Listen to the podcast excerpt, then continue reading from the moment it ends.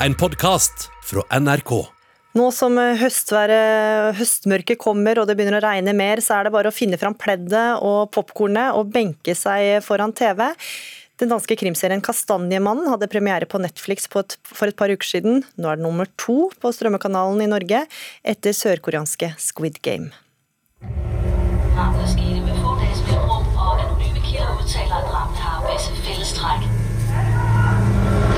Trenger du en NIF-serie for å lade opp til halloween?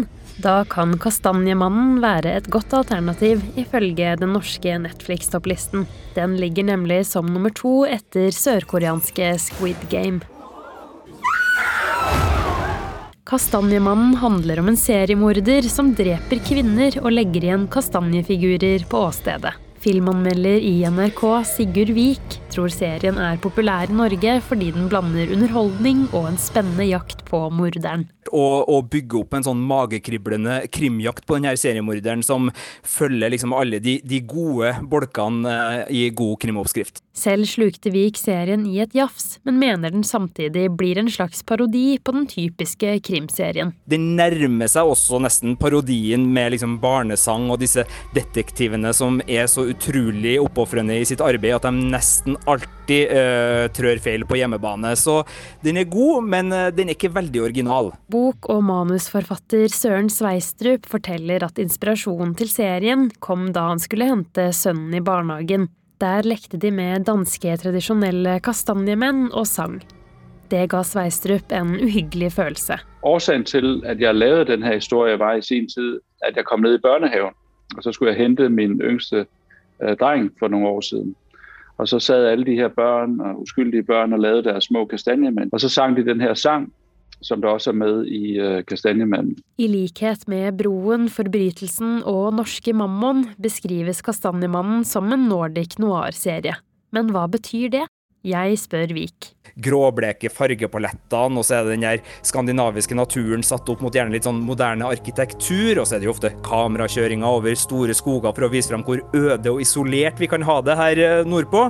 Mens tematisk så er det ofte liksom velferdsstatens bakside, ofte da med litt makabre mord og forbrytere som eh, har motiver som stikker litt dypere ned i, i samfunnet. Han mener serien ikke nødvendigvis er en milepæl for nordisk krim men at den kan åpne dører videre for sjangeren. Men det er klart, her har jo Netflix kommet på banen, og de er jo en viktig aktør både når det gjelder publikumstall og, og kommersiell suksess. Så hvis Netflix opplever at Kastanjemannen liksom er en øh, vei videre for hva de ønsker å satse på av norske og nordiske filmer og serier, så kan det jo vise seg at den på en måte er en øh, ja, døråpner, i hvert fall med tanke på hvilke type produksjoner det blir kasta penger etter.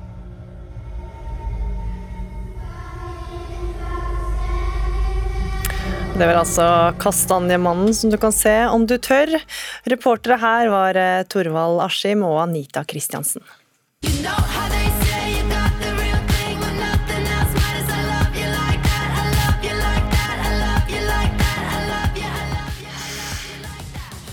Vi hører Dagny synge 'Love You Like That', for nå skal det handle om festivalsommeren neste år. PR-sjef for Øyafestivalen, Jonas Prangerød, god morgen og velkommen. Jo, takk.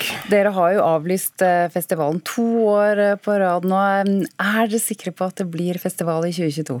Vi føler oss, uh, føler oss, sikre på det, og det er en optimisme i hele uh, konsertbransjen. Um, hvordan, hvordan, merker dere det? Ting, ting, har jo kommet smått tilbake. da. Vi, vi, vi var på Bylarm for kort tid siden, som var det første liksom, store musikkarrangementet. Og Tallene peker jo riktig vei. Mange er vaksinerte, få blir alvorlig syke. Det er jo dette vi har blitt lova at skal være kriteriene for, for at festivaler og andre store arrangementer skal kunne gå som normalt igjen. Så det er, det er liksom med stor glede at vi nå um, setter opp farta på artistslipp. Og, um, og, gi publikum noe de kan glede seg til. Og Nå har du booket uh, flere artister. Dagny er altså en av dem. Hvorfor har dere valgt henne? Det, det er jo en av de største og beste uh, popartistene de siste åra fra Norge. Um, med, uh, med, en voksende interesse internasjonalt, og ikke minst fordi hun er en fantastisk liveartist.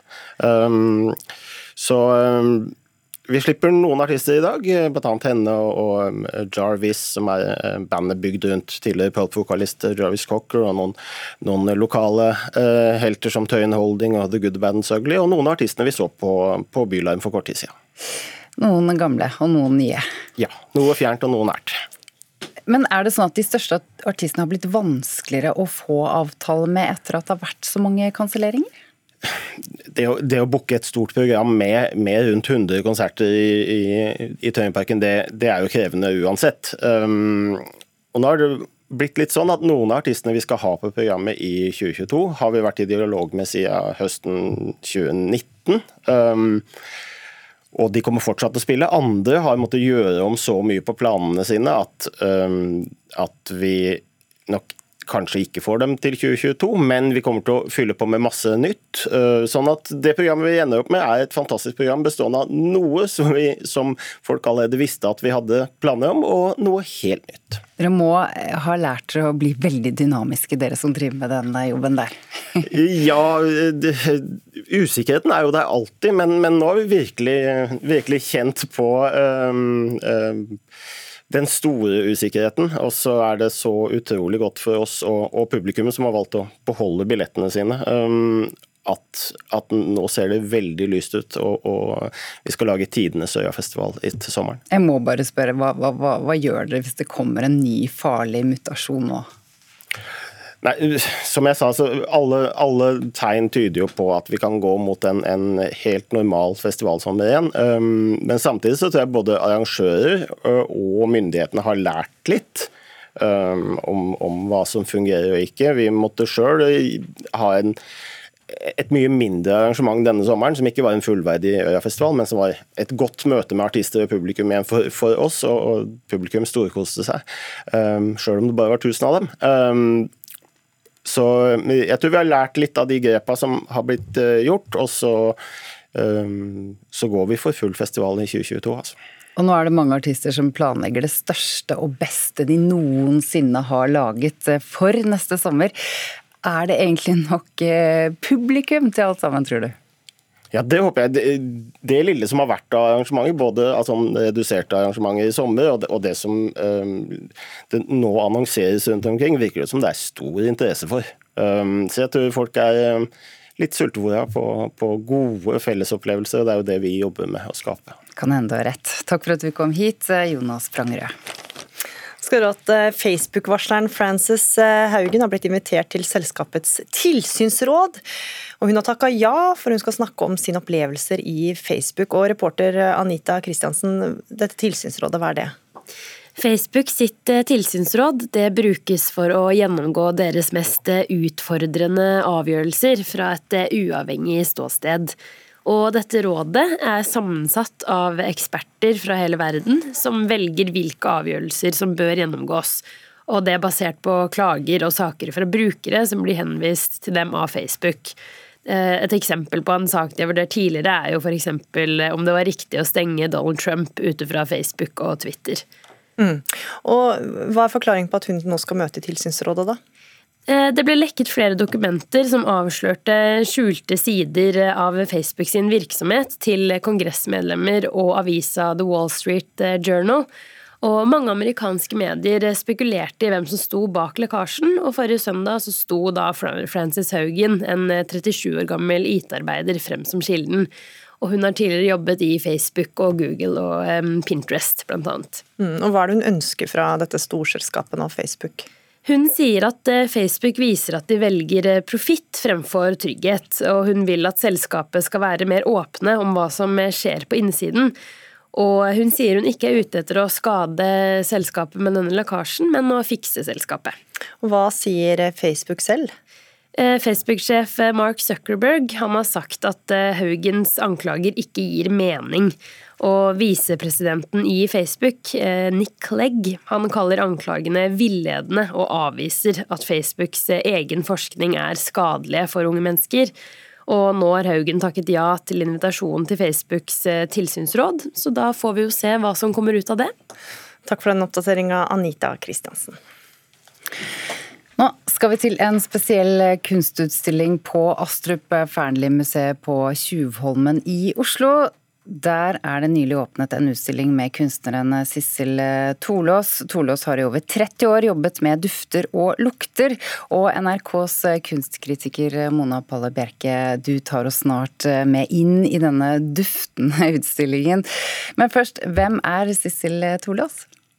Ja, Hun er en kunstner som er født i Stavanger, som er oppvokst på Stord og utdannet både på Kunstakademiet i Oslo, men også i Warszawa og Poznan. Og Hun jobber og, er, og, bor i Berlin, der hun i sitt studio, som er mye mer et laboratorium enn et klassisk atelier, har samlet mer enn 7000 dufter fra hele verden. Og Hun er antageligvis den eneste samtidskunstneren som jobber primært med duft i verden. Og hun har vært vist på Venezia-binalen, på Documenta i Kassel, Serpentine Gallery i London og MoMA i New York. Så dette er virkelig en kunststjerne som vi nå kan se på Astrid Fearnley-museet. Så hvilke dufter er det denne utstillingen byr på? Ja, Det første som møter oss eh, i eh, inngangspartiet, det er en installasjon laget av utslagsvasker som eh, danner en, nesten en slags fontene, hvor det renner vann fra kranene, og der man kan vaske seg med kunstnerens egen kroppslukt. Hun har da laget små såpestykker hvor navnet hennes er inngravert, og eh, som lukter henne. Og når jeg begynte å snuse på det, så tenkte jeg først at det luktet litt sånn klassisk eh, parfyme. Litt sånn rent og svakt parfymert. Eh, men så kom det liksom en sånn etterlukt. En sånn dunst av fremmed kropp, hud og hår. Og dette er jo en ekstremt intim gest. Dette skal være et selvportrett, da. Hvor mye er det da å se på i en eh, utstilling der lukten er det viktigste? Det er mye å se på. Altså vi, for eksempel, vår inngangsbillett det er en liten ampull med duften av penger. Og Den er også del av en kjempevakker installasjon ved inngangspartiet, med hundrevis av slike ampuller. Og så er det jo også inn i utstillingen. Det er et ribbet univers, men det er allikevel så estetisk. Hun har laget f.eks. en installasjon av håndblåste bobler av glass med sin egen pust inni. Og så er det så sånne vakre stener eller formelementer hvor man kan gå rundt og lukte på forskjellige klosser. Eh, og hvor du kjenner på en måte lukten av våt sne eller gress eller asfalt. Det kan være litt sånne forsiktige lukter. Og så plutselig kommer det veldig sterke lukter, som eh, lukten av søppel eller stanken av en by. Og noen av disse luktene kan jo virkelig vekke eh, kvalme. Passer denne utstillingen for alle? ja, det vil jeg si. Dette er en utstilling som passer for absolutt alle. Altså, lukten er viktigere for oss enn vi er eh, klar over. Noe mange har eh, fått smertelig erfare med korona, hvor mange har mistet uh, luktesansen. For vi tenker ikke på hvordan lukten spiller inn i uh, vårt liv. Dette er jo en utstilling som stinker i ordets egentlige betydning. Allikevel så er det jo helt og holdent et uh, must. Det er så annerledes, så interessant og på en måte så tankevekkende. Så dette er jo eh, også veldig interessant at hun har på en måte tatt tak i selve museumskroppen. og tatt og snudd innerveggen og gjort den til yttervegg. Dette beskriver jeg i anmeldelsen min på nrk.no. Men det som da er blitt en innervegg ute, der har hun utforsket mannssvette, altså angstsvette fra menn. Og der gikk jeg da og kjente på veggen og luktet på fingrene etterpå. Og det var helt ekstremt eh, kvalmende, og jeg skjønner ikke hvordan hun har fått det til. Men dette var det eneste jeg har angret litt på at jeg gjorde i utstillingen. For da jeg kom på trikken på vei hjem, så stinket jeg av eh, rett og slett. Så det høres veldig spesielt ut. Det blir spennende å se hvor mange som kommer til den utstillingen. Hele anmeldelsen med bilder og videoklipp av disse forskjellige lukt, luktopplevelsene finner du da på nrk.no anmeldelser. Takk for at du var med, kunstkritiker her i NRK, Mona Palle Bjerke. Du har hørt en podkast fra NRK. Hør flere podkaster og din favorittkanal i appen NRK Radio.